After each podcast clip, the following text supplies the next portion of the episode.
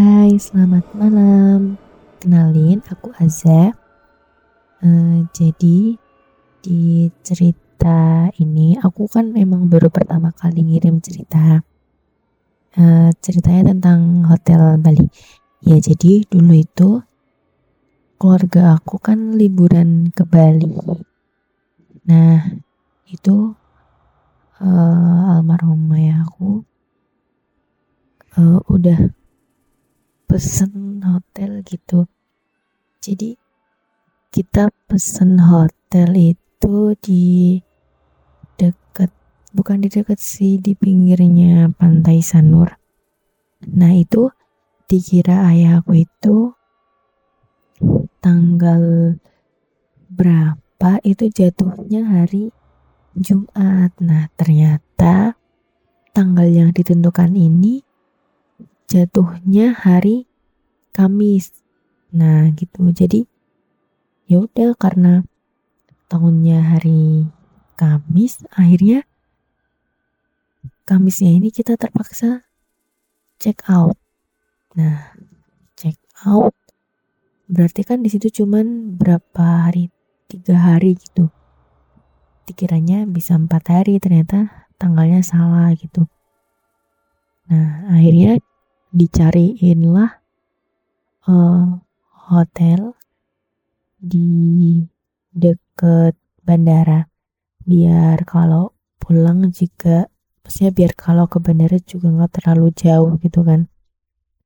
Akhirnya dapet di kota. Nah di kota ini kita dapet hotel yang biasa aja kayak rumah rumah gitu.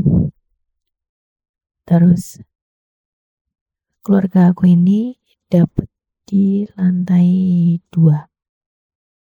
Dan di lantai dua ini uh, itu tuh bener-bener yang make cuman keluarga aku gitu. Yang di lantai satunya full, di lantai tiganya full, lantai empat lagi direnovasi pada waktu itu itu tahun 2011 ya. Nah, akhirnya kita ambil di lantai dua dan kamar aku ini uh, bukan kamar aku maksudnya keluarga aku ini uh, dapat kamar tuh paling pojok gitu. Jadi ada berapa kamar yaitu lupa terus kita booking dua kamar karena uh, buat om aku sama tante aku, terus buat ayah sama ibu aku. Ntar aku nggak tahu mau di tempat om aku atau di tempat ayah sama ibu aku. Nah itu paling pojok.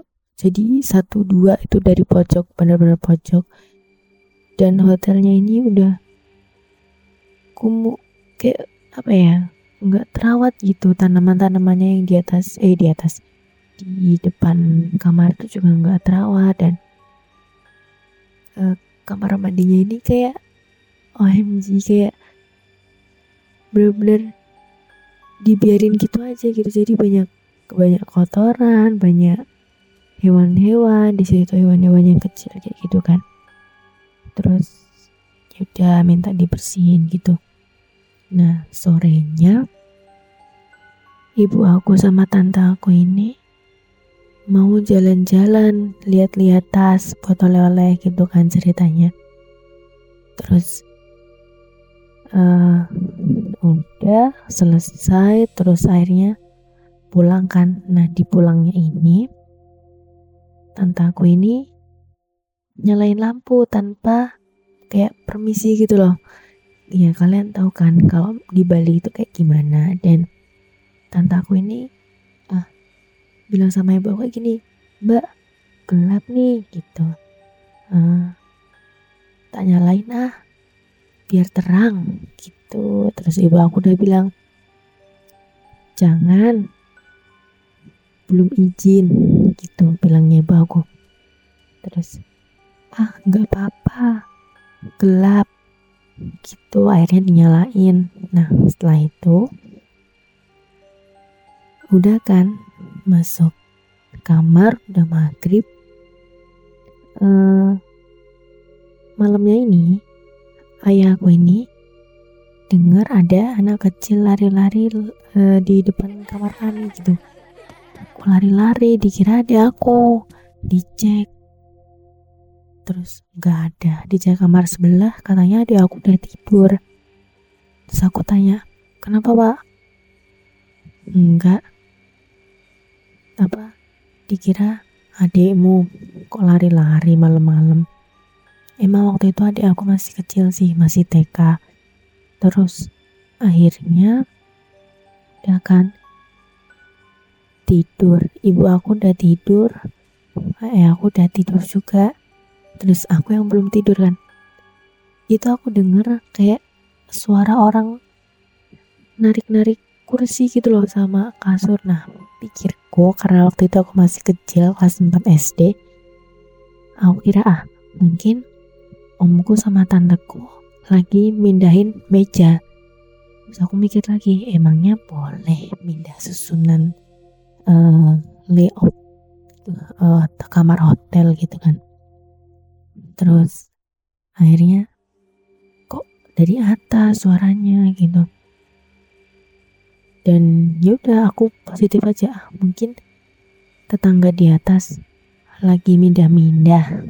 Atau mungkin ada yang lagi direnovasi juga gitu kan. Ya udah terus aku tidur.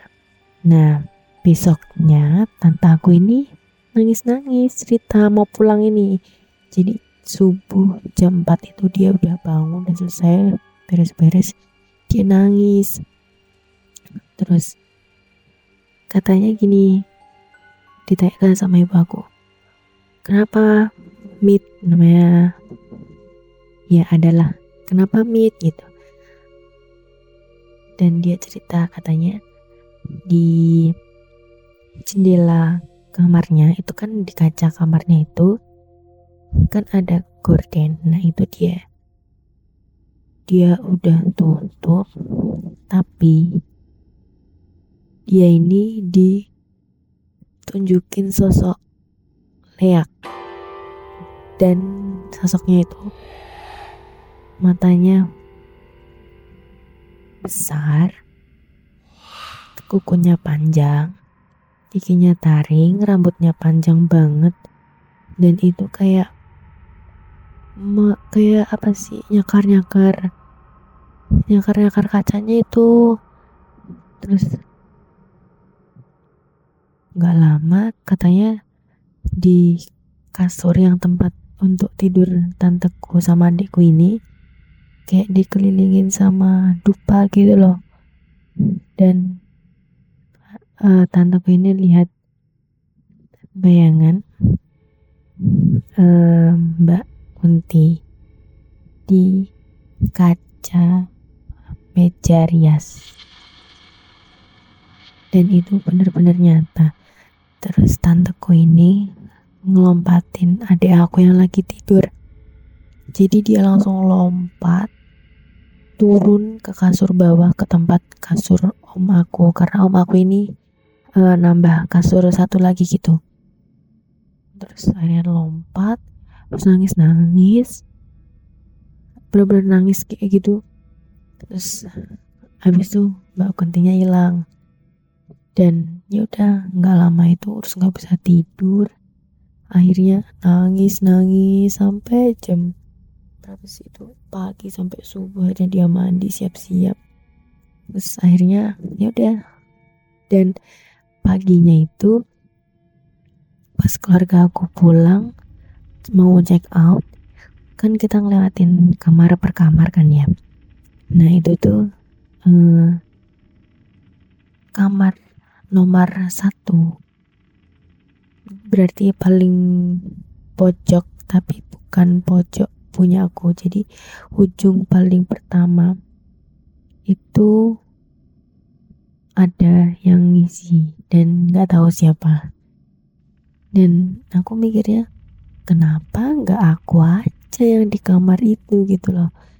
Dan yaudah sekarang cuman tinggal jadi kenangan Oke, terima kasih teman-teman karena udah mau dengerin cerita aku yang mungkin banyak banget salahnya dan nanti semoga aku bisa ngirim cerita lagi. Ya, terima kasih.